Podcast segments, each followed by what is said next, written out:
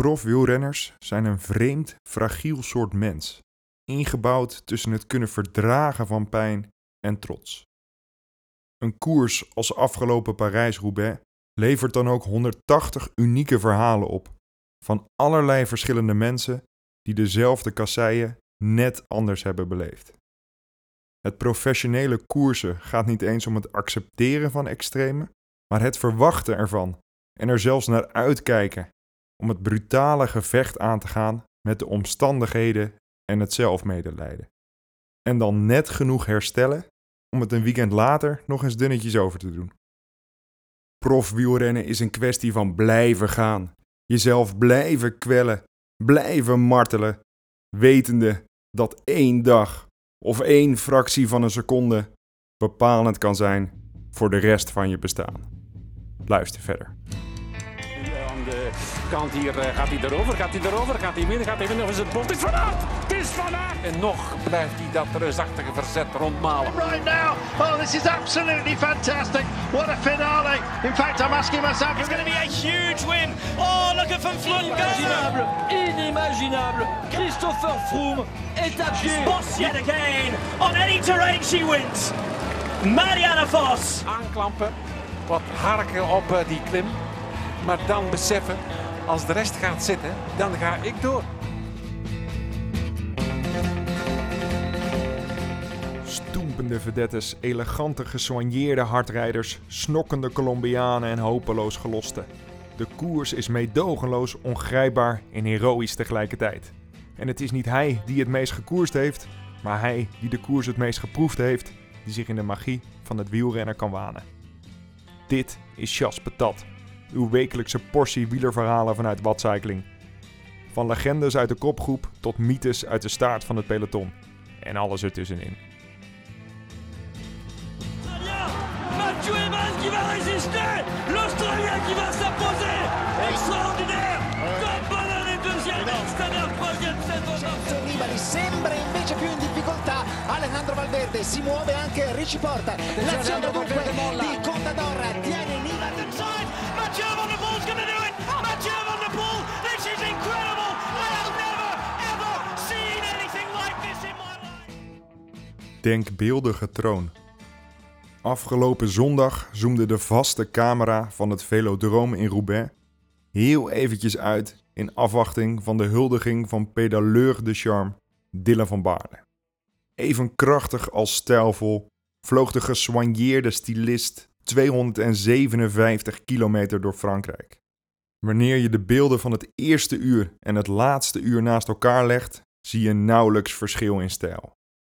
Handen in de beugels, roerloos bovenlichaam en een kaarsrechte rug evenwijdig aan de bovenbuis van zijn Pinarello Dogma F12. 5 uur en 37 minuten, gemiddeld 341 watt trappen, om met een recordgemiddelde van 45,8 km per uur door de hel naar de hemel af te reizen. De meer dan 40-urige werkweken op zijn COVID-19 balkon in Monaco betalen zich in één klap uit. Een winnaar met stijl, door de commentatoren zelfs een held genoemd, met een enorme gunfactor. Maar niet iedereen kan een held zijn. Er moeten ook mensen gered. En toen de camera even uitzoomde, kon de oplettende kijker een man in een hoekje zien zitten. Net uit het zonnetje, op een houten stoel tegen het hek. Een moe gestreden renner met zijn eigen verhaal. De dag begon nog voortvarend voor Louis Esky, de Britse jongeling van Français Desjeux, geboren in 2001, heeft een lichaam zoals zijn kopman Stefan Koen. Een lang, sterk, gehard lijf dat gemaakt is om hard te gaan. In 2018 wist de begaafde Brit Parijs-Roubaix al eens te winnen bij de junioren. En met dit in het achterhoofd werd hij dit jaar van het continentale team van FDG overgeheveld naar de mannen die het moesten gaan doen op het grote toneel. En met zijn goede benen wist hij voorop te geraken, nog voor het verschroeiende tempo van Team Ineos uit in de vroege vlucht. Zijn taak was daar eenvoudig: meedraaien en eventueel later een springplank vormen voor zijn kopman. Een plan wat ruim een uur stand hield, tot de derde kasseienstrook van de dag. Het was op deze vier sterrenstrook dat dingen in een pedaalomdraai van kwaad tot erger gingen.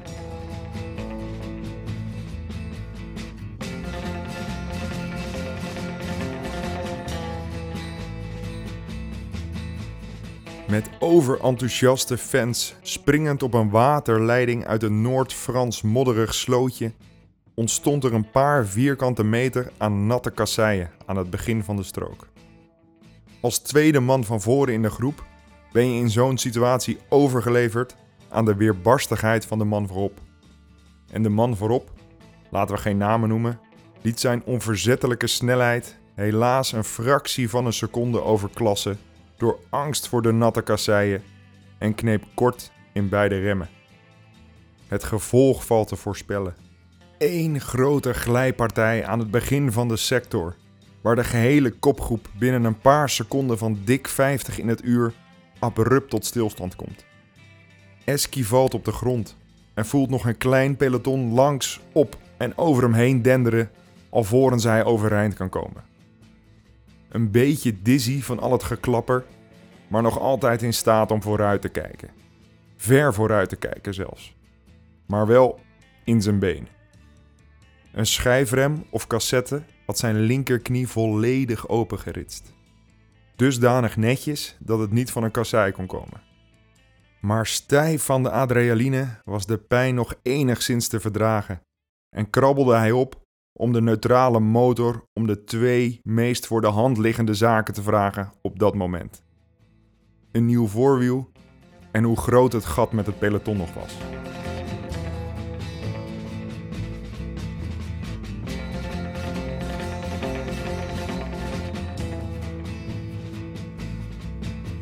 Lewis stapte weer op en reed iets door naar een stuk asfalt vlak voor de volgende kasseienstrook. Liet zijn knie inzwachtelen om het stof en vuil een beetje buiten te houden en zette het op een knap staaltje hard rijden. Kilometers lang, gemiddeld meer dan 440 watt, om zo de groep die vooruit was terug te halen nog voor het bos van Arenberg.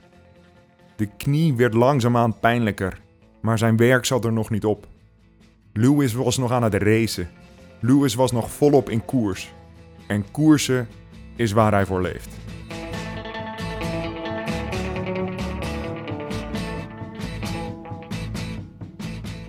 Met de adrenaline als brandstof wist hij Koen nog van voren te brengen. Maar vrij vlot daarna zakte hij volledig weg. Door de grote menigte heen naar de geloste renners uit het peloton. Met stille hulp van renners van Totaal Energie en Quickstep vervolgde hij zijn koers. Zijn eigen koers. De koers die nu pas was begonnen. Lewis reed nog 155 kilometer over misschien wel de slechtste wegen van Europa. Met een blessure waarvoor 99,9% van de mensheid een ambulance zou bellen. Maar niet volgens de logica van Lewis. Tegen de tijd dat hij een klein beetje in de gaten kreeg hoe erg zijn kwetsuur was, had hij zichzelf al door zoveel pijn heen geworsteld dat hij het vooruitzicht op de pijn van het niet-finishen er niet bij kon hebben. Dus daarom maar beter door kon rijden. Een theorie zo dicht als zijn tubelessband. Kijken naar zijn knie deed hij niet meer. Want zolang je niet weet hoe slecht iets is, hoef je er ook niet naar te handelen. Dus Lewis bleef rijden. En niet zomaar rijden, maar voor de volle 100%. Voor wat dat op dat moment nog mocht betekenen. Lewis kwam wonderbaarlijk genoeg binnen als 42ste.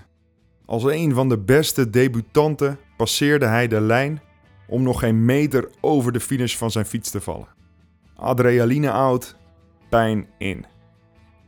Tijgerend en kruipend onder zijn fiets vandaan, wurmend over het gras, kreeg hij een blikje Fanta in zijn handen geduwd. Frambozensmaak. Absoluut niet zijn lievelings, maar je doet het met wat je krijgt op zo'n moment. En terwijl het bloed over zijn scheenbeen gutste en zijn witte schoenen eenzelfde kleur kregen als het sapje dat hij over zijn uitgedroogde lippen naar binnen goot, probeerde hij overeind te komen. Maar het lukte niet meer om zijn bovenlichaam omhoog te krijgen.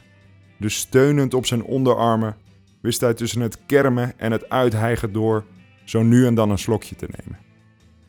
Na een kleine vijf minuten kwam er dan eindelijk hulp toegesneld. Hulp die hem opmerkelijk genoeg weer op zijn fiets hielp om richting de iconische stenen douches te gaan. Met zijn knie inmiddels bijna net zo dik als zijn torso werd hij richting de cabines geduwd om daar op zijn beurt te wachten in de hoop op nog een beetje warm water. In die afwachting werd hij op een houten stoeltje gedrapeerd. Zo'n stoeltje dat je wel eens bij het grofvel ziet staan. Eentje waar niet per se iets mis mee is, maar waar je ook niet echt iemand op durft te zetten. En opgevoed als Lewis is, zegt hij netjes dankjewel en laat hij zich vallen op het stoeltje. Net uit het zonnetje, op afstand van het podium, hoort hij het Wilhelmus door de speakers komen, terwijl hij steeds verder en verder in elkaar zakt van vermoeidheid. Taak volbracht. En hoe? Je moet wat verbeeldingskracht hebben om van deze stoel een troon te maken. Maar Lewis zat er als een moe gestreden keizer. Als een man die alles had gegeven en met krachten had gesmeten die er eigenlijk niet eens waren.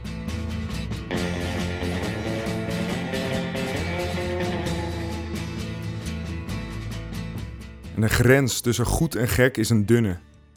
Zo dun dat de fotofinish camera van de Amstel Gold Race er geen soep van kan maken. En op die grenslijn is de man het enige wezen dat weigert te zijn wat hij is en daarmee in staat is tot vreemde dingen. Een vreemd iets wat ook iets heel moois kan zijn. En voor renners als Lewis neem ik dan ook graag mijn koerspet af en maak ik een hele diepe buiging. Een buiging voor de strijder op de denkbeeldige troon.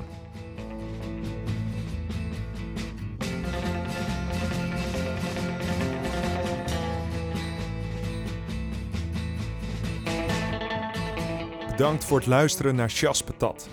Abonneer je op het Chas Patat kanaal om op de hoogte te blijven van nieuwe afleveringen.